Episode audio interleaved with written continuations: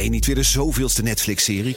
Kom naar de Monday Moves van BNR. Op maandag 18 maart zal op het podium Arend-Jan Boekenstein, Michal van der Toren, Geert-Jan Haan en Bernard Hammelburg. Ze hebben het over geopolitiek. Het is oorlog. Moeten we vechten, vluchten of bevriezen? Onder leiding van mij, Art Rooijakkers. 18 maart dus in het De La Mar Theater in Amsterdam. Check bnr.nl slash mondaymoves. BNR Nieuwsradio. The Big Five. Art Rojakkers. Goedemorgen, fijn dat je luistert naar BNR's Big Four deze week. Vier afleveringen, want na de politieke chaos van vorige week... zijn alle ogen gericht op Den Haag. Hoe wordt de formatie zo snel mogelijk vlot getrokken... zodat Nederland door kan? Ik volg de ontwikkelingen deze week op de voet... met analisten en journalisten die dicht bij het vuur zitten. Wat gebeurt er achter de schermen? Zij houden ons op de hoogte. En BNR's Big Four van de formatie. Met vandaag bij me Nederlands bekendste spindokter... maker van de podcast De Spindokters, Jack de Vries in Den Haag. Goedemorgen. Goedemorgen. Welkom. We beginnen met dit programma met stellingen waar ja of nee op geantwoord mag worden. De eerste. Ik heb het afgelopen weekend het CDA van advies voorzien. Nee. Ook binnen het CDA is nu een machtsstrijd gaande tussen Hoekstra en Omzicht. Nee. Er komt gewoon een kabinet Rutte 4. Ja. Oké. Twee keer nee, één keer ja. We komen op, op alles terug. Um, ja, toch goed om even te zeggen. Dit, dit, uh, dit programma komt tot stand. Ja, wij denken dan weken van tevoren. Waar gaan we het dus over hebben? Dus we, een paar weken geleden dachten wij... we gaan het over de formatie hebben. Nou, ja. de timing kon niet beter, hè? Nee, nee, nee de, deze afspraak staat al een tijdje. Maar dat we zo met de neus in de boter zouden vallen qua actualiteit hadden we niet kunnen vermoeden. Precies, en toen sprak ik vanochtend Bas van Werven, de presentator hier van de Ochtendspits. En die zei: Ja, het is, er gebeurt nu zoveel, er moet ook een nieuwe informateur komen. Hij noemde je naam, Jack de Vries. De naam Jack de Vries ja, als informateur. ja, zou dat, iets, zou dat iets voor je zijn? nee, dat lijkt me een hele onwaarschijnlijke. Nee, men zoekt echt iemand op, eh, op grote afstand van de, van de politiek... met de nodige senioriteit. Dus dan moet je toch echt denken aan uh, iemand als Jane Quillink. Weet je, Tom de Graaf werd ook genoemd. En dan heb je toch mensen die gelinkt zijn aan... Maar hoezo staat Tom de Graaf op meer afstand van de politiek dan Jack de Vries? Want de stelling was, ik heb het afgelopen weekend het CDA van advies voorzien... was het antwoord nee. Nee, maar weet je, mensen die uh, ervaring hebben bij Raad van State... dat geldt voor Jane Quillink, dat geldt voor Tom de Graaf... voorheen natuurlijk Piet Hein Donner... die worden toch wel gezien als de, de mensen die ook in die rol... van verkenner, informateur, heel goed de politiek van advies kunnen voorzien. En uh, ja, je hebt me geïntroduceerd als de spindokter. nou, dat laat zich niet helemaal rijmen met de rol van uh, informateur in okay, het huis. Oké, ja, want je, je werkt jarenlang achter en voor de schermen voor het CDA. Wat heeft zich daar de afgelopen dagen tijdens een paasweekend allemaal afgespeeld? Nou ja, allereerst was daar natuurlijk de grote verrassing van Gert-Jan Segers. Uh, dat was echt wel, het licht ging wel aan in het kippenhok. Uh, want ja, we zouden ons allemaal bezinnen tijdens mm -hmm. de paasdagen. En toen was het zaterdagochtend? Ja, uh, en toen was daar opeens Gert-Jan Segers. Weet je, ik had al wel de, de jongere organisaties uh, gezien... met hun uh, oproep van wel of niet met, met Rutte. Waaronder de jongere organisatie van de ChristenUnie. Maar goed, weet je, dat, dat zie je veel vaker, dat die zich uitspreken. Maar blijkbaar was er intern in de ChristenUnie toch druk op Gert-Jan Segers. die maakte dat hij zich zo uitsprak.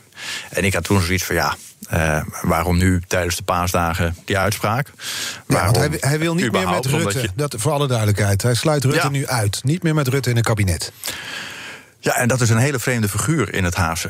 Uh, uh, dat je een persoon als zodanig uitsluit. Kijk, er worden partijen uitgesloten. Hè, uh, de PVV, Forum voor Democratie. Maar echt op de, op de persoon iemand uitsluiten... dat hebben we in Den Haag nog nooit zo gezien. want het is ook, en dat zijn ook de morgens van Politiek Den Haag... iedere partij gaat over zijn eigen personeelsbeleid. en Mark Rutte was natuurlijk de lijsttrekker. Hij heeft een grote verkiezingsoverwinning behaald. Ja, er zijn de nodige dingen misgegaan die in het Kamerdebat zijn besproken. Maar je hebt en een motie van wantrouwen, dan zeg je de man moet weg. Of een motie van afkeuring, dan keur je het handelen af, maar zeg je niet meteen de man moet weg. Nou, de ChristenUnie heeft niet die motie van wantrouwen gesteund. Dus waarom dan toch in dat weekend van bezinning opeens met die uitspraak komen? Ja, dat, dat was heel vreemd en heeft ook wel tot de nodige irritatie in Den Haag geleid. Ja, irritatie over, over het feit dat hij zich uitspreekt. Nee, maar om, om zo het, het afgesproken proces uh, eigenlijk te doorbreken. Hij houdt zich niet aan de regels in zekere zin. Ja, uh, iedereen zou even pas op de plaats maken. Uh, de volgende stap is eigenlijk vandaag. dan gaan de fractievoorzitters weer bij elkaar zitten. Wordt er gesproken over een informateur of een verkenner die er nu moet, moet komen. en het is dan in dat proces zo dat je je mening kenbaar maakt aan die persoon over hoe nu verder. en om dat dan onverhoopt via de media te doen op die zaterdagochtend. Maar ook qua inhoud, wat ik net zei, dat je puur een persoon uitsluit. Ja.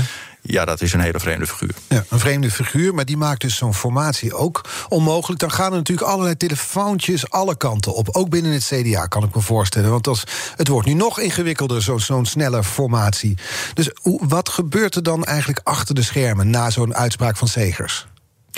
Nou, wat je in ieder geval eh, zag dit weekend is dat alle talkshows en praatprogramma's werden bevolkt uh, door prominenten vanuit de VVD. Ja, dus allemaal oud-politici inderdaad, hè? Ja. Allemaal oud-politici uh, die allemaal uh, goed opgeleid stonden. ja, ik kan er als, als campagneleider en spindokter van wel eer met bewondering naar kijken. Weet je, wat je toch wil is eenheid uitstralen, regie, controle. Ze zeiden allemaal hetzelfde. Ik heb die 1,9 miljoen kiezers voor Rutte voorbij horen komen. Het, het leek wel alsof er even een appje was rondgegaan. Dit moeten jullie zeggen. Ja, ik zat daar met bewondering uh, naar te kijken. Als pindokter. Als pindokter, zeker. Uh, en wat zag je uh, tevens? de ChristenUnie sprak zich uit, maar vanuit D66 en het CDA overdoverde stilte. je hebt daar niemand van gezien. Tot aan gisteravond in een, in een column in de Telegraaf een paar CDA-prominenten die zich uitspraken. Dus daar wordt inderdaad de rust in acht genomen. En ook Partij van Arbeid hebben we niks van gehoord. Jesse Klaver hebben we ook niks van gezien. We zagen Lilian Marijnissen weliswaar met een oproep komen. Ja, die riep op om, duidelijkheid te geven of partijen met Rutte willen samenwerken in een volgend kabinet. Ja, en, en uh, duidelijk is in ieder geval geworden dat uh, een groot aantal partijen aan die oproep geen gehoor gegeven heeft. En ik denk ook dat dat terecht is. Uh, vandaag zit men bij elkaar, moet die informateur worden benoemd of de verkenner in deze fase nog. en dan ga je bij hem of haar wel duidelijk maken hoe je erin staat. Ja, en, en dat is dus de rust bewaren zoals dat dan gebeurt bij het, CDA, zoals je zegt, en, en bij D66. Um, ehm, maar wat levert die rust dan op? Nou, dat je toch eens even uh, goed gaat doordenken. Uh, als een soort schaakspel. Van ja, welke zet je zet. Is wel bepalend voor het vervolg. Kijk, Gert-Jan Zegers heeft misschien gedacht van ja, weet je, ik sta voor de volgende coalitie toch al buitenspel. We weten van de discussie tussen D66 en de ChristenUnie over de ethische thema's. Het initiatief Wetvoorstel Voltooid Leven. Nou ja, D66, ook een winnaar van de verkiezingen, heeft duidelijk gemaakt uh, op dit punt uh, dat een vrije kwestie te willen laten in de Kamer. Nou, dat, ik begrijp dat dat voor de ChristenUnie onverteerbaar is. Dus dat de ChristenUnie weer in het nieuwe kabinet zou zitten met D66, uh, was op zichzelf al redelijk onwaarschijnlijk geworden. Dus Gert-Jan Zegers kan misschien gedacht van ja, weet je, ik, ik doe toch niet mee, ik kan dit wat makkelijker uh, zeggen. Uh, dus dan makkelijker, mening, andere, makkelijker om een mening te hebben. Maar voor andere partijen geldt van ja, laten we het proces even rustig afwandelen. We moeten eerst uh, de inhoud met elkaar bespreken. Kijken of je tot een regeerakkoord kan komen. Uh, want dat alternatief wat uh, genoemd wordt, hè, D66 en de Zevende Bergen. dus een kabinet zonder de, de, VVD met allemaal kleintjes erbij. Ja, dat is leuk qua optelsom als je de zeteltjes bij elkaar optelt. Mhm. Maar inhoudelijk is dat volstrekt onmogelijk. en het CDA gaat daar, nou ja, omdat de inhoudelijke verschillen veel te groot zijn. Uh, als het gaat over klimaat, als het gaat over inkomensbeleid, als het gaat over de economie, zeg maar alle bepalende thema's voor de, voor de toekomst. Daar zitten tussen die partijen veel te veel uh, verschillen. Dus daar gaat het CDA uh, niet in mee? Daar gaat het CDA niet in mee. Zeker niet. Nee. Dus dat, dat is dan niet dus de mogelijkheid. Je, je dus dan hadden we die dus je blijft de VVD nodig hebben voor uh, de regering van dit land om tot een werkzame meerderheid in, in Eerste en Tweede Kamer te komen. Dus dan nu al vol op de man te gaan spelen terwijl je de discussie over de inhoud en wat je wil bereiken voor het land nog moet gaan beginnen, is dan een onverstandig. Ja. En, en de VVD zonder Rutte? Dat kan toch ook? Ja, maar zoals gezegd, de, de, de VVD gaat daar primair zelf over. Uh, we hebben iedereen vanuit de VVD zich uh, dit weekend zien uitspreken van uh, wij willen door met Mark Rutte. maar we hebben bovenal... Ja, wat mij er wel bij opviel, sorry, de premier zelf ook gezien. Ja, maar wat me opviel is die mensen vanuit de VVD waren allemaal oud-politici. Ik zag geen enkel actieve VVD-politicus die zich achter Mark Rutte schaarde afgelopen weekend. Nee, maar dat, dat, komt vanwege het, uh, het proces waarin je in zit. Je bent nu in de verkenningsfase van de informatie ben je, ben je bezig. Dan is het woord echt aan de fractievoorzitters. Uh, en is het niet aan individuele fractieleden. Dat heet dan aan de fractiediscipline. Om daar zelf over het woord te voeren. Nou, wat, wat doe je dan in zo'n geval? Dan zijn het oud-prominenten uh, die zich uitlaten. Mm -hmm. nou, dat zag je gisteren in de Telegraaf ook uh, vanuit het CDA gebeuren. Hans Hille, Ben Knapen, die zich in vergelijkbare woorden uitlaten over wat Gert-Jan Zegers heeft gedaan en hoe er omgegaan zou moeten worden met de positie van Mark Rutte. Ja. Eh, hoe, hoe moet dat nu verder? Want jij zei op de stelling, er komt gewoon een kabinet Rutte 4. Zei je ja? Ja, ik, ik, moet natuurlijk helder zijn over die, over die stellingen. Ja. Uh, maar als je dus het, het, het, hele proces afpelt als een, als een schaakspel van wat, wat, uh, wat zijn de mogelijkheden en onmogelijkheden. Ja, precies. Op het moment dat de VVD gewoon vasthoudt aan Mark Rutte, mm en daar heeft het nu alle schijn van, uh, dan is dat de enige mogelijkheid om een kabinet te formeren überhaupt in dit land. want ik zeg net al, een coalitie zonder de VVD kan ik me niet voorstellen. Uh, en uiteindelijk uh, zal er toch een keer een kabinet moeten komen. En kan er geen eeuwige impasse blijven. Of Belgische toestanden dat we anderhalf, twee jaar met elkaar eh, aan het formeren slaan. Terwijl we midden in een coronacrisis zitten en een economische crisis. En mijn overtuiging is dat uiteindelijk uh, het uh, verantwoordelijkheidsgevoel bij de nodige partijen wel aanwezig is om daar dan toch overheen te stappen. En welke partijen hebben het over dan? Wie zou dat dan moeten gaan doen met de VVD? Wat is waarschijnlijk? Ja, nou ja, er is al eerder gezegd, voordat dit allemaal gebeurde, hè, dat de meest waarschijnlijke coalitie één zou zijn met VVD, D66, CDA. En dan aangevuld met Partij van Arbeid slash uh, GroenLinks. Mm Als die twee elkaar vasthouden. Want dat is natuurlijk ook nog de bijvangst van die gelekte notitie. Ze waren elkaar al een beetje aan het loslaten. Maar nu mhm. zijn ze echt weer in elkaars armen gejaagd. Uh, dan is dat zeg maar waaraan gedacht zou moeten worden. Ja, en dat is dus dan ook na dit weekend zou dat nog een mogelijkheid zijn? Nou ja, er, gaat natuurlijk nog de nodige tijd voorbij. De vraag is natuurlijk, hè, want er is wel wat, wat, wat gebeurd. Uh, en de bestuurscultuur stond na de toeslagenaffaire al op de agenda. Die staat nu nog meer op de agenda. Uh, maar mijn vraag is, hè, na de toeslagenaffaire, die buitengewoon heftig was, uh waar een heel kabinet voor is afgetreden, heeft een, een, kabinet, inclusief Rutte, inclusief CDA, D66, een hele lijst aan verbetermaatregelen voorgesteld van wat ze willen gaan doen ten aanzien van de bestuurscultuur. Nou, daarin werd toen ook uh, Mark Rutte geloofd dat hij echt die verandering wilde uh, doormaken.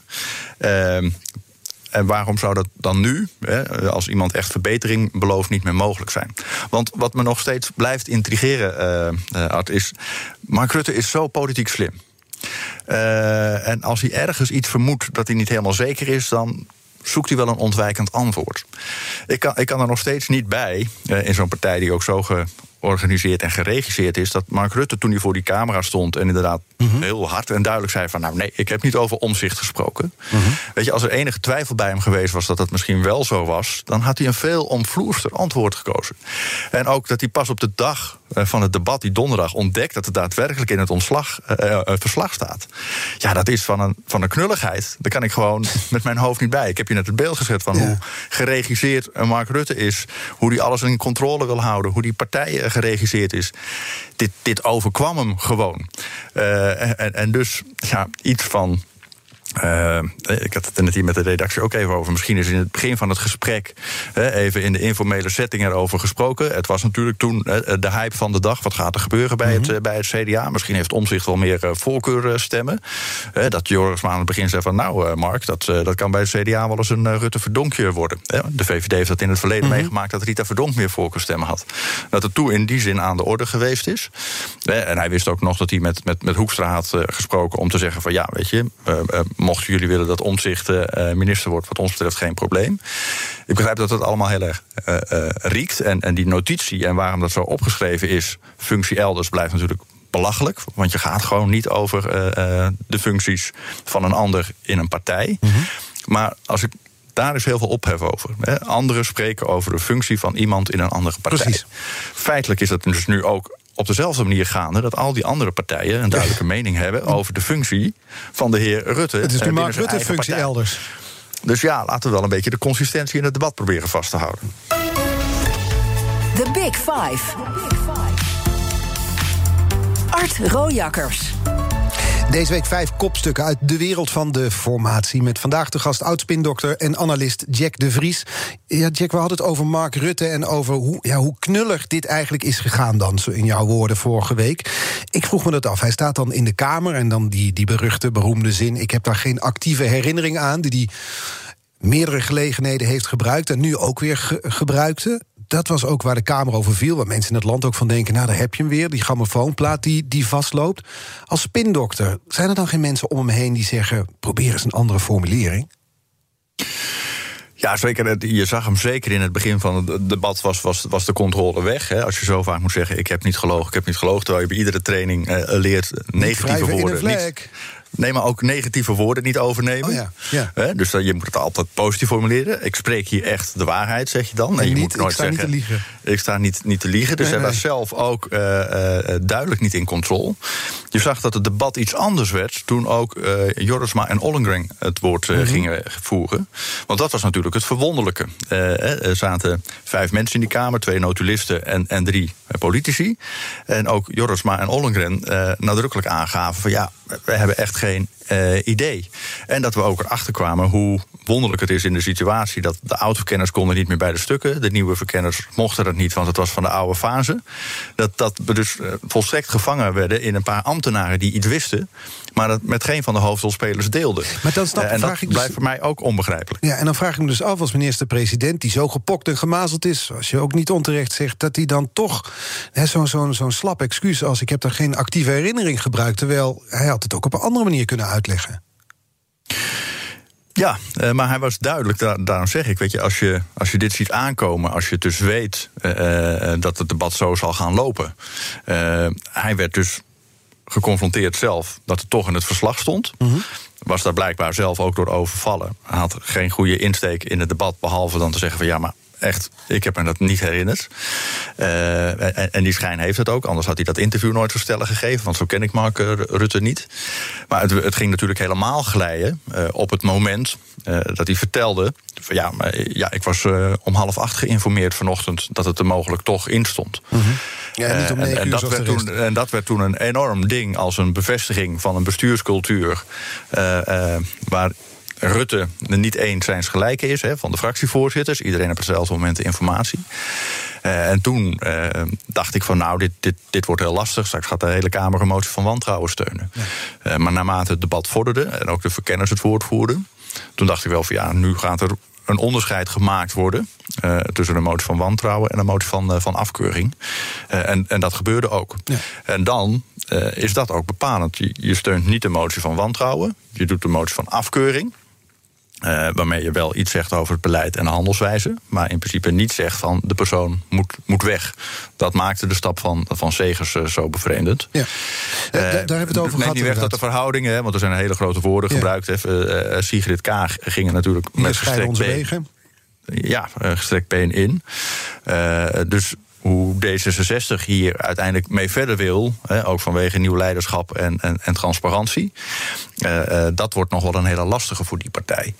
Maar terecht is dit weekend ook wel het debat gevoerd, want we hebben het in Den Haag over transparantie, transparantie. Mm -hmm. Ik heb de nodige formaties uh, meegemaakt.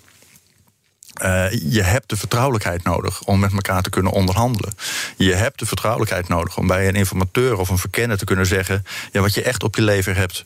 Uh, en, en, waar je kansen ziet met partijen. En, en waar je zelf over je punten uh, misschien zou willen onderhandelen. Dat ligt nu allemaal op straat. dus de gedachte dat het allemaal maar in transparantie kan. Ja, dan bereik je nooit iets. Er is een mooie zegswijze in helder water leven geen vissen. En dat is uh, precies ook uh, hoe het. Ja, en het werkt in tal van processen zo. Ja. Er komt geen CAO tot stand. Dus we hebben troebel water nodig in Den Haag. Nou ja, maar iets van in de verborgenheid met elkaar kunnen uh, bespreken in vertrouwelijkheid is, is van belang om uiteindelijk tot een resultaat uh, te komen. Ja. En complete transparantie. Weet je, ik, ik was ook veel meer voorstander van hou de koning in het uh, proces zoals we dat in het verleden hadden. Uh, dan hadden we dit gedoe allemaal niet gehad. want die Kamerdebatten, die we dan zogenaamd met elkaar gaan voeren, om met elkaar in alle openheid te bespreken. Als je in een onderhandelingsproces zit, tuurlijk hou je daar je kaarten tegen de borst. Want je wil iets bereiken. En Ten slotte, daartoe ben je ook gekozen mm -hmm. uh, door de kiezers. Om zoveel mogelijk van je verkiezingsprogramma uh, te gaan binnenhalen straks in die onderhandelingen.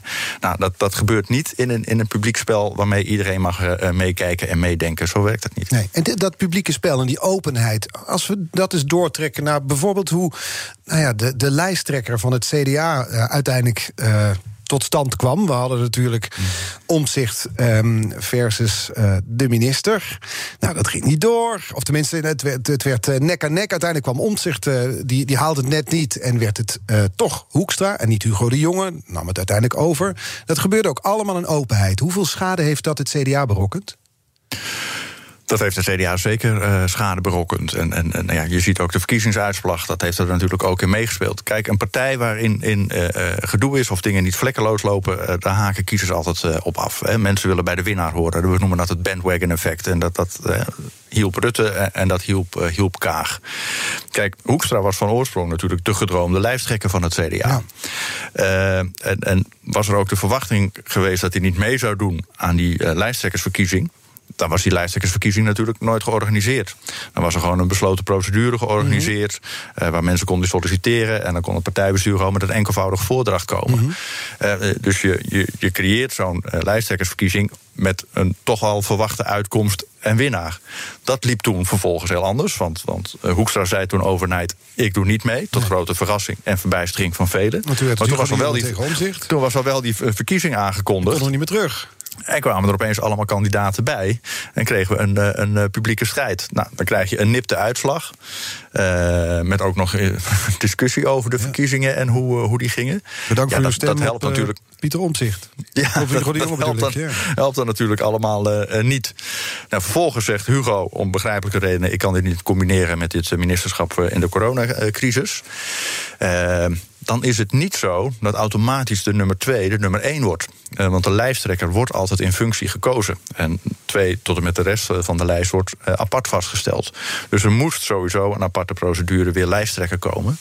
En natuurlijk is toen gekeken, is Hoekstra misschien nu wel beschikbaar? Nou ja, dat bleek zo. Mm -hmm. En toen uh, dacht men van ja, dat is geweldig. En ook Pieter Omzicht, nou, je hebt hem voor zijn deur zien staan. Ja. Is hem dat persoonlijk gaan vragen. Ja, ja. laat dat gehannes nou rondom Omzicht zien... dat er dan binnen het CDA dat dat gerommel nog steeds speelt. Uh, Omzicht, de vechter, de outsider, de bestuurlijke hoekstra aan de andere kant. Of uh, zeg jij als CDA-watcher, insider... nee, we zijn gewoon één partij, steunen hetzelfde doel?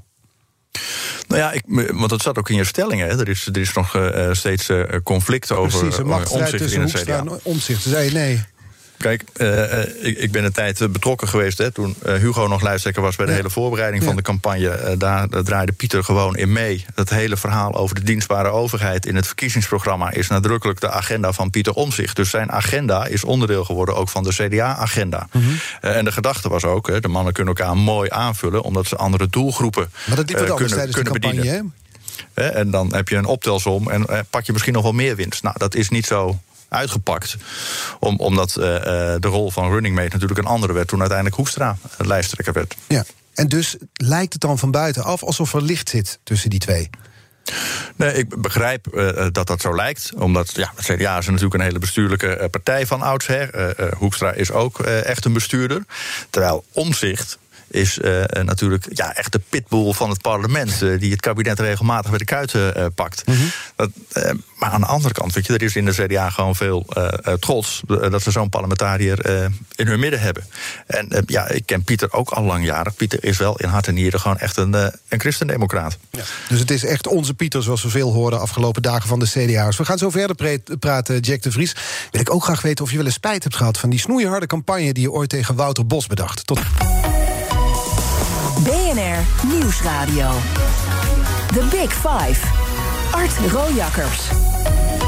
Welkom bij het tweede half uur van BNR's Big Four deze week. Uh, vier kopstukken uit de wereld van de formatie... met vandaag de gast oud-spindokter en analist Jack de Vries. Voordat we verder gaan met het gesprek met hem... praten we eerst even met Thomas van Groningen... onze Haagse sprinter, annex verslaggever... de man die Mark Rutte als uh, hardloopmaatje heeft. Ja. Thomas, wat gebeurt er vandaag in het formatieproces?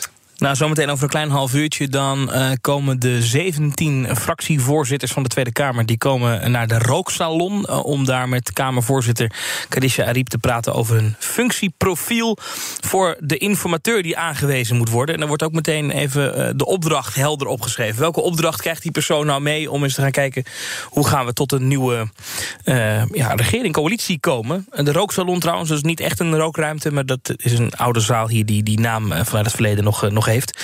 En dan, ja, dan, dan komt er vanmiddag wellicht, dat weten we nog niet zeker... maar als daar dan een naam uit naar voren komt, wellicht, of meerdere namen... dan wellicht gaat de Tweede Kamer daar vanmiddag dan nog over debatteren. Oh. Ehm, en dan hebben we aan het einde van de dag, als het goed is... een informateur die dan gesprekken kan gaan voeren. Tom de Graaf, Cenk Willing, die worden vooral veel genoemd, toch? Ja, ik vanmorgen even hier voor de deur nog gestaan... toen er wat politici aankwamen. Stond je gewoon stil, Thomas? Ik heb niet gerend. Nee, oh. God, wie, wie, welke naam hoort u? En dan hoor je inderdaad Cenk Willink of, uh, of Tom de Graaf...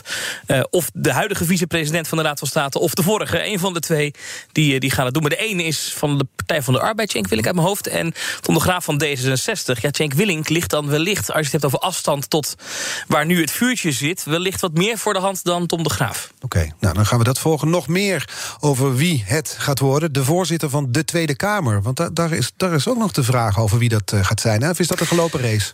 Nou, dat is zeker geen, eh, geen eh, gelopen race. Morgen dan gaat de Tweede Kamer daarover stemmen. En dat is altijd een heel ritueel, hè, met briefjes in een bus. En dat, dat, oh, dat is ook anoniem en geheim. ook uit de schoorsteen, of was dat ergens anders? Nee, dat, dat, dat is echt anders. Oh maar het, Haagse conclaaf, zo zou je het wel kunnen noemen. En dat is heel anders gegaan dan in het verleden. Want in het verleden was het zo dat in die dagen... in de aanloop naar die stemming... meneer de Vries kan zich dat waarschijnlijk nog wel herinneren... dan is er een enorm gelobby in het Tweede Kamergebouw. Dan gaan die partijen bij elkaar langs. Van ja, stemmen jullie op onze kandidaat of jullie op onze kandidaat. Maar iedereen was nu zo bezig met, met de positie van Mark Rutte... Dat, dat er even niet van gekomen is. Maar er zijn drie kandidaten. Kadisha Ariep die wil graag door. Martin Bosma van de PVV die mhm. wil graag, die is nu ondervoorzitter... wil graag Kamervoorzitter worden. Of Vera Bergkamp van D66. Dus het zijn er drie. Um, en daar wordt dan morgen op gestemd. En dat gaat dan in meerdere rondes. Want er moet in principe in die eerste twee stemrondes... als iemand een absolute meerderheid heeft... dan, uh, dan wordt die persoon de nieuwe Kamervoorzitter. Wie zet je je geld in? Lastig. Ik zou, ik zou lange tijd gezegd hebben Kadisha Ariep, maar um, dat ligt wat gevoelig. Um, ik zou daar, als het, als het Toto was, nog mijn geld op inzetten, maar neem het niet als voorspelling. Want okay. uh, ook, Den Haag laat zich zeker deze, dit jaar erg moeilijk voorspellen op dit moment. Dat blijkt wel. Ja. Je hebt een goed moment gekozen om daar aan de slag te gaan. Dankjewel, Thomas van Groningen vanuit Den Haag. En die zit dus tegenover oud-spindokter en analist Jack de Vries, mijn gast vandaag. Een BNR's Big Four van de formatie. Um, ik, ik ja, dat, dat voorzitterschap, dat, eh, dat gaat ook nog meespelen. Ja, gaat het meespelen? ik ben het wel met Thomas eens. Vorige week zouden we gedacht hebben van... weet je, Kadisha Ariep uh, mag, mag door. Uh, want die andere partijen hebben er belang bij... dat de Partij van Arbeid aan gaat schuiven in de formatie. Dus als we nou de Partij van Arbeid gunnen... dat Kadisha Ariep mag blijven zitten... dan is er nog een extra zetje in de mhm. bewegelijkheid. Mhm. Maar ja, nu kan de VVD ook denken van... ja, ik heb het nu wel lastig met, met D66. die moet ik ook extra een zetje geven. Eh, dus misschien toch maar eh, Vera Bergkamp. Eh, die dan ook weer steun zou kunnen krijgen natuurlijk van de, van de PVV. Ook al hebben ze een eigen kandidaat, maar dat is dan voor de tweede ronde. Kijk, Martin Bosma is bij uitstek als voorzitter hoe je een vergadering voorzitter. De, beste, die man is zo humoristisch, dat is een genot om te beluisteren. Maar ja, hij blijft de vertegenwoordiger van, van de PVV. ja, en dat gaat de rest van de Kamer niet steunen. Nee. En dan gaat het dus zo dat misschien dus die D66-kandidaat het, het wordt. dat draait ook om vertrouwen. En dat is een woord dat. Dat hebben we het eerste half uur hebben we het er ook over gehad. Het is een, een, een woord dat we veel horen in Den Haag op dit moment. Ik, ik wil de luisteraar en jou graag een fragment laten horen. Luister even mee. Meneer Bos, in de eerste plaats draait u met uw standpunt over het ontslagrecht. En in de tweede plaats bent u niet Maar wie draait hier nou? In uw verkiezingsprogramma staat niet niks. Eerlijk, meneer Bos. In de stemwijzer staat dat dat niet klopt. En u bent niet eerlijk. Ja, dat was een groot moment uit de carrière van Balkenende... maar toch ook uit dat van, van jou, eh, Jack de Vries. De verkiezingsstrijd 2006. En toen hoorde Jan-Peter Balkenende dit tegen Wouter Bos zeggen. Ik zei net nog, u draait en u liegt, maar het was dus... u draait en u bent niet eerlijk. Kun je die strategie van toen nog eens bespreken? Wat was er aan de hand? Wat was het doel? Nou, wat we ons hadden voorgenomen voor dat eh, debat is om een aantal inconsistenties in de standpunten van de Partij van de Arbeid aan de orde te stellen. Ehm, we hadden gemeenteraadsverkiezingen gehad. Partij van de Arbeid omgerekend 60 kamerzetels. Uh, Bos ging sky high. Uh, dus we hadden echt het, het nakijken. maar Wouter Bos werd toen overmoedigd. Die, die waande zich al premier en hield toen een zogenaamde netspar-lezing. Dat is een bepaalde lezing waarin je bespiegeling op de toekomst in sociaal-economische zin van het land geeft. En hij stelde daar een aantal punten discussie die eerder in de, in de Partij van de Arbeid eh, niet te bespreken waren. Dat ging over de AOW, dat ging over het uh, ontslagrecht. En dachten, hé, hey, daar gebeurt iets bijzonders. Hij schuift op dat punt opeens op naar onzekerheid in plaats van zekerheid voor mensen. Dus het ging over die twee punten. wat Wouter Bos nu opeens vond ten aanzien van de AOW en ten aanzien van het ontslagrecht. De letterlijke tekst van u draait en u bent niet, niet eerlijk, hadden we niet zo uh, geprept. Uh, iedereen blijft dat maar uh, aan mij toeschrijven. letterlijk zo voorbereid. nee. Ik zou het gewoon claimen, want het is die claim to fame geworden. nee, hij, hij, kwam letterlijk toen uit, gewoon uit het hoofd van, van Balkenende. Later, toen uh, Wouter Bos daar een punt van ging maken... want op de dag van het debat zelf was het helemaal nog niet zo'n hype... ging het veel meer over de uitspraak van Geert Wilders... over de tsunami van vluchtelingen waar we toen schande van spraken. Uh, maar Wouter Bos stelde later uh, de, dat punt van Bo Balken en de ter discussie... laten we wel een eerlijke, oprechte campagne met elkaar voeren. En toen dachten we wel van ja, nu hebben we hem precies waar we hem hebben willen... want uit het kiezersonderzoek was gebleken... ja, Wouter Bos was populairder, mediagenieker, mhm. socialer... maar er waren twee punten waarop de kiezer Balken en de beter vond. Eerlijkheid en betrouwbaarheid. En toen hebben we vanaf dat moment in de dagelijkse persbriefing het draaipunt van de dag ingevoerd. om iedere dag weer een punt aan de orde te stellen. waarin de Partij van Arbeid van mening was gewisseld. Ja, nou, die woorden werden toen en die manier werd door de media als heel hard en heel persoonlijk beschreven. Persoonlijke aanval, onfatsoenlijk noemde Wouter Bos het zelf. Nou, als je terugluistert, dit soort woorden vliegen ons nu om de oren. Dus het zegt ook wel iets over het politieke debat van nu. Dat we daar toen zo geschokt waren en nu toch eigenlijk redelijk schouderophalend naar luisteren. Ja, weet je, zag hem eh, deze campagne nog, eh, nog eh, terugkomen. Hè? Jesse Klaver, en nu ga ik het eens hard zeggen, meneer Rutte. U, u liegt, hè? u bent niet eerlijk. Uh, dacht, oh ja, die hebben we eerder gehoord. Nee, wat dat betreft is er in de politieke cultuur echt wel wat veranderd. Als je uh, terugdenkt 2002, Pim Fortuyn, hè, hoe geschokt we allemaal waren wat de man uh, zei. Mhm. Als je nu zijn lezingen en interviews terugbeluistert, dat is mainstream politics geworden in, in Politiek Den Haag. Dus in die zin is er wel wat, wat veranderd in de loop der tijd. Wat natuurlijk niet anders is, is dat vertrouwen een grote rol speelt in de formatie. Dat was toen zo, de formatie van Balken en de Vier. Want Bos en Balken en moesten toen toch samen door een deur naar zo'n harde verkiezingscampagne. Ja, de parallellen met nu liggen dan voor het oprapen? Ja, en, en ook dan moet je terugkijken naar de geschiedenis. Want de echte breuk in het vertrouwen zat in de formatie van 2003. En toen speelde de discussie uh, wel of geen steun aan de uh, inval in Irak. Uh, nou, Balken had met Bos geregeld: oké, geen militaire steun, wel politieke steun. en vervolgens liep Bos daar toch eh, weer van weg. Mhm. nou, dat was toen een breuk in die uh, formatie. Dus die antipathie tussen uh, de mannen was toen al uh, gezaaid. Dus er is toen in die formatie voor de Vier... door informateur Wijfels heel veel tijd genomen... om te investeren in dat vertrouwen. En wat daarbij ook hielp, is de oliemannetjes eromheen. Jacques Tigelaar vanuit de Partij van de Arbeid... en Maxime Verhagen vanuit het CDA. En dat waren de bruggenbouwers om uiteindelijk te komen tot die coalitie. Maar en hoe je hebt gelijk, vertrouwen is key. Ja, hoe wie zouden dat nu die rol kunnen vervullen? Want er moet vertrouwen hersteld worden als er ooit een kabinet Rutte 4 moet gaan komen tussen bijvoorbeeld Kaag en Rutte. Of Hoekstra en Rutte. Kan dat überhaupt? Ja, de, de, de rol van de informateur, hè, net is de naam van Jane Quilling genoemd, is daar enorm uh, bij van belang. En Jane Quilling kan als geen andere gewoon via de weg van de inhoud het, het af gaan pellen. Die zal dit punt van de personen echt laten liggen. Dat is ook pas altijd natuurlijk in de eindfase van de formatie aan de orde. Om nu echt, en dat is wat Kaag ook heeft bepleit, we moeten het nu hebben over de inhoud en de agenda voor Nederland. Ja, duik maar met elkaar in de inhoud en dan kun je kijken wat er uiteindelijk in de komende periode nog gaat groeien. Dan wel hersteld uh, van wonden die er natuurlijk wel zijn. Ja, want die wonden die zijn er. Want het zijn uiteindelijk, natuurlijk gaat om inhoud, maar het zijn ook mensen die elkaar uh, in dat debat nou, flink tegenover elkaar stonden. En dan nu elkaar weer moeten vinden. Dat, dat voelt bijna voor de gewone burger, die niet dagelijks in Den Haag actief is, als iets onmenselijks. Ja, maar je kunt in, eh, in politiek Den Haag in het debat elkaar enorm in de, in de haren vliegen. Eh, maar op persoonlijk vlak het, het, toch nog steeds goed kunnen uh, vinden. Weet je, vroeger, toen ik staatssecretaris van Defensie was, was er Christa van Velsen van de SP. Nou, die maakte echt gehakt van me in het, uh, in het, in het bad. Maar op persoonlijk niveau konden we het wel goed vinden. En dat is denk ik ook nodig. Wil je dit, dit werk kunnen doen in Politiek Den Haag, als het echt heel persoonlijk wordt. en dat werd het nu natuurlijk wel een beetje.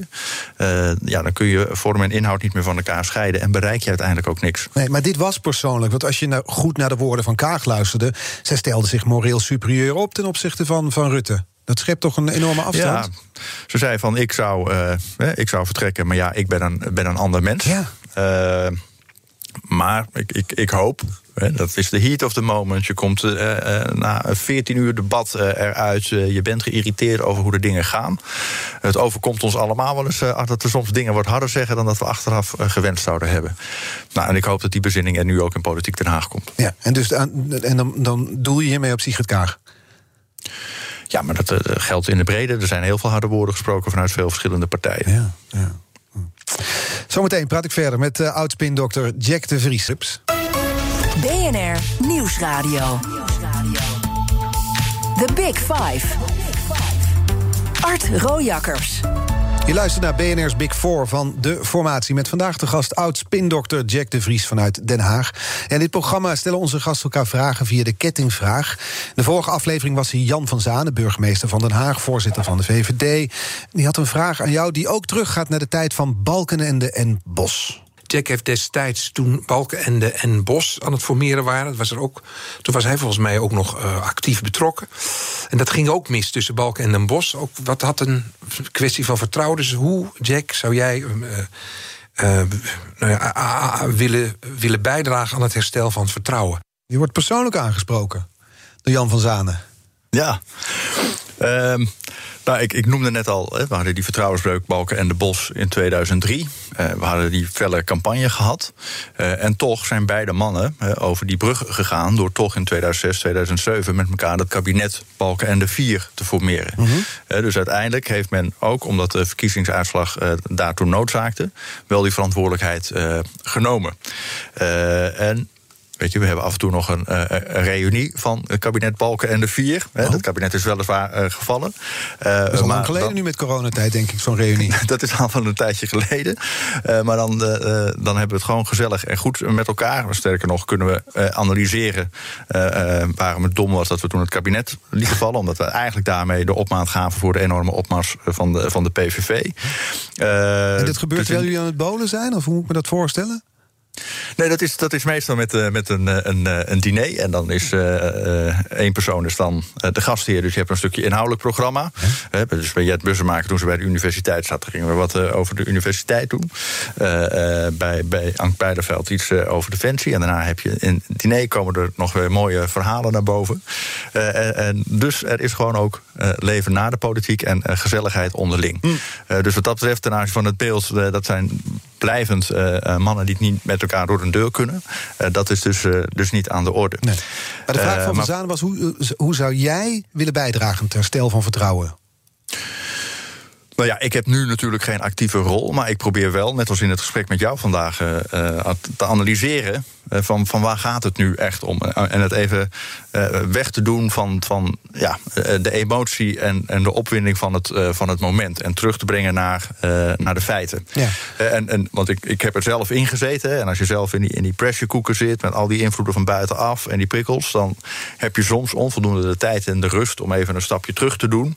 En te kijken van ja, maar wat is nu echt nodig? En even doordenken welke stappen je nog eh, kunt eh, zetten. En dat probeer ik dan nu maar eh, te doen door een beetje een rustige analyse erop los te laten. Ja, dat, hier op BNR, dat wordt gewaardeerd. Dat doe je tegelijkertijd met een, een, een Tweede Kamerpas. Daar mag je ook daar in de studio zitten. Dus je loopt wel eens rond in die Tweede Kamer.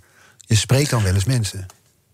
Nou, ik, ik heb geen kamerpas, want ik ben nog nooit Kamerlid geweest. En even goed, als je bewindspersoon bent geweest, dan krijg je geen Kamerpas, dat geldt alleen voor ex-Kamerleden. Wat, wat ik heb, is een lobbyistenpas. En dan mag je is dus, dat een beetje het verschil tussen business class en economy class dus bij de KLM? Ja, ja, ja, ja, dus dan mag je niet in de, in de wandelruimtes van de oh. Kamer komen... maar puur in de grote hal en dan doorlopen voor je afspraak. Dus mij past bescheidenheid. Oh, bescheidenheid, ja. Nou, jij, ik hoorde je net zeggen over die formatie tussen Balken en Den Bos. Toen waren de oliemannetjes om die uh, campagne, oh, sorry, om die formatie heen. Jacques Tichelaar en Maxime Verhagen. Via hen liep er ook veel. Zo wordt het dan een beetje gemasseerd. Ik, ik sluit dan aan bij de vraag van Van Zanen. En denk ik, nou, is dat, een, is dat een rol die Jack de Vries zou passen? In zo'n formatie die nu echt uiterst moeizaam zal gaan verlopen? Nou, weet je, als, als mensen mij bellen, sta ik altijd open voor uh, advies en uh, contact als daar behoefte aan is. Dat, dat kan vanuit CDA zijn, maar dat, uh, ook vanuit andere partijen.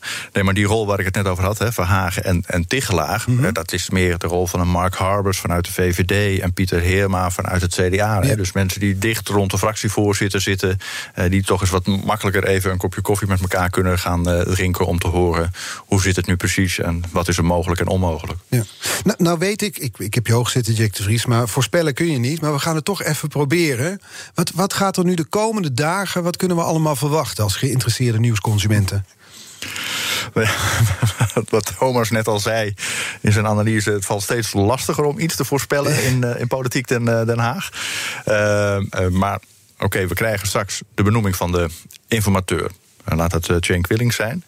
Uh, laten we dan hopen dat hij gewoon al die gesprekken met al die 17 fracties weer gaat uh, voeren. Mm -hmm. wat moet er in zijn opdracht staan? nou, zorg in ieder geval dat de stukken vertrouwelijk blijven. Lijkt me heel goed voor de voortgang van het proces. en, en dan komt daaruit, uit zijn informatiemogelijkheid, ja, waar liggen de kansen voor welk kabinet? Uh, maar er kan zomaar weer onverhoeds toch uh, een van de fractievoorzitters na het gesprek met uh, de informateur zeggen van en dit heb ik gezegd en dat heb ik uitgesloten. Ja, en dan zitten we weer in de impasse. en dat is waar ik een beetje bang voor ben, dat we in een padstelling nu zitten in Den Haag, waar eigenlijk niemand een idee heeft van hoe komen we daaruit. Ja, tenzij nieuwe verkiezingen. Maar je hebt een missionair kabinet nodig om nieuwe verkiezingen uit te schrijven. hey, en dat hebben we op dit moment niet. Nee. Zie daar de uitdaging in Den Haag. Ja. En uitdaging is dan een eufemisme volgens mij. Ja, ja, ja, ja. zeker. Wij Zeven... ben er gewoon echt bezorgd over. Ja. Bezorgd? Ja, want uh, niet voor niks zeiden alle partijen in de, in, in de campagne... het is een uitdagende periode uh, in de coronacrisis, in de economie... met zorgen over huisvesting en hoe het in de volksgezondheid gaat. Er valt echt veel te doen. -hmm. En, en er gaat nu nog veel meer tijd uh, verloren dan nodig is. Dus in die zin is het buitengewoon jammer hoe het gelopen is volgende week. Uh, maar hoop ik dat iedereen weer bij zinnen raakt. En zich afvraagt van ja, voor waarvoor ben ik eigenlijk gekozen door de kiezer? En dat is om problemen op te lossen. En die liggen er voldoende. Uh, en dan moet je soms over je schaduw heen springen. Ja, het zijn dus 17 fractievoorzitters die, nou niet allemaal, maar sommigen zullen over hun eigen schaduw heen moeten springen, zoals je het zegt. 17. 17 fracties die allemaal bij die informateur langs moeten komen. Die versplintering uh, in de Tweede Kamer, speelt dat een rol in zo'n formatieproces? Nou ja, je, je zag wel in het, in het debat was al lang. Maar doordat je 17 fracties hebt, we hebben het nu een keer in volle glorie mogen Ik meemaken. Was kapot. Je, ja, maar niet meer. Ook ieder, ieder ordevoorstel Hè, dan is er weer een ordevoorstel, want iemand wil dat er verkennis komen of dat stukken openbaar worden gemaakt. Dan moet Ariep, de Kamervoorzitter, weer al die 17 ja. fracties af om te horen wat hun mening is over dat ordevoorstel. Dan heb je altijd nog iemand die weer een amendement heeft op dat ordevoorstel. En dan gaan we nog een keer een rondje. Er is zoveel tijd verloren gegaan in dat debat met puur met elkaar discussiëren over de, over de orde. Ik denk van ja, als dat uh, ons toekomstbeeld is voor hoe de Kamer de komende periode gaat uh, vergaderen, dan. Uh, gaan we nog flink overuren maken. Ja, dat denk ik ook. Dat geldt dan ook voor de journalistiek. En dat is meteen een brug naar de gast van uh, morgen. Marleen de Rooij, politiek verslaggever bij de NOS... die ook alles op de voet volgt en ook mensen achter de schermen spreekt. Dus van haar gaan we ook weer van alles horen... over wat er deze week rondom die formatie speelt. Wat zou je van haar willen weten? Want je mag haar die kettingvraag stellen. Ja, de, de, rol van de media is natuurlijk ook een, een, een, belangrijke in de, in de politiek en in de stabiliteit van het land. Uh, je speelt daar zelf, Marjolein, als parlementair verslaggever een belangrijke rol in. Je loopt ook al lang mee, ooit ook nog Elsevier 2010. Uh, wat heb jij daarin zien veranderen en welke opdracht zie je daarin voor jezelf, met name voor de publieke omroep. Juist in de tijd waar ja, fact-checking, uh, uh, fake news steeds meer aan de orde is. En we steeds meer zien dat, dat mensen in complotten gaan geloven. Nou, journalisten hebben daar een belangrijke uitdaging en taak in om eraan bij te dragen om, om dat te voorkomen. Hoe zie jij die rol voor jezelf? Nou, we gaan het aan morgen voorleggen. Marleen de Rooij, dus de gast hier in BNR's Big Four van de formatie. Nog, nog even terug naar Den Haag. Want die vraag die je stelt over journalisten. Dat, dat is natuurlijk, het is een dans die daar opgevoerd wordt in Den Haag. Dus een heleboel. Nou, het zijn lobbyisten, het zijn spindokters, het zijn politici, het zijn ook journalisten. Hoe heb je de rol van de journalistiek bekeken, die van, als je naar vorige week kijkt? Um, Nou ja, er was natuurlijk discussie of überhaupt eh, die foto gepubliceerd had moeten worden van die oplettende fotograaf toen uh, Ollengren naar buiten rende. Ik vind ja, dat, dat is uh, verslaglegging, dat hoort erbij. dus dat is gewoon een feit en mag worden neergelegd. Natuurlijk was dat aanleiding tot een, tot een debat. Ehm, maar er wordt vaak ook heel erg gewerkt tegenwoordig met, met anonieme bronnen die iets vinden. Uh, in het verleden, één bron is geen bron. Uh, nu wordt wel makkelijke dingen opgeschreven over partijen en personen. We hebben dat ook gezien bij het, bij het CDA. die dan een vuurtje in een partij opstoken. Terwijl je er niet de vinger achter krijgt van waar het dan echt vandaan komt. eerst zijn het bronnen rond de top. Of vervolgens waren het. Ik heb gehoord van mensen die contact hebben met bronnen van de, van de top. En dat, dat vind ik lastige journalistiek om, om mee om te gaan. Het ging dan om die fluistercampagne tegenover ten opzichte van omzicht. Ja, uh, weet je, en ik, ik, loop rond in die uh, uh, kringen. Ik spreek de nodige mensen. Ja, in die fluistercampagne had ik niks van meegekregen. en dan is het uiteindelijk zo'n zo'n zo'n afgeleide vorm van bronnen van bronnen. Dan denk ik van ja, je zet wel echt iets in de hens. zonder dat je duidelijk kunt maken waar het echt vandaan komt. En dat valt dan lastig te bestrijden vanuit een partij. Ja, en dat zorgt ook voor meer wantrouwen in de politiek. Zeker. Nee, maar weet je, eh, hashtag ophef is natuurlijk bepalend om nieuwswaardig te zijn. Ja. We, leggen ook altijd uit in ons vak: eh, je hebt twee eh, nieuwsingrediënten. Dat is mhm. human interest en het is conflict. Mhm. Om het nieuws nog te verkopen. En, en, je ziet het ook langs die twee assen natuurlijk gebeuren. Maar dat komt altijd de waarheidsvinding en de echte feiten niet ten goede. dus in die zin, als we het hebben over de bestuurlijke cultuur in dit land.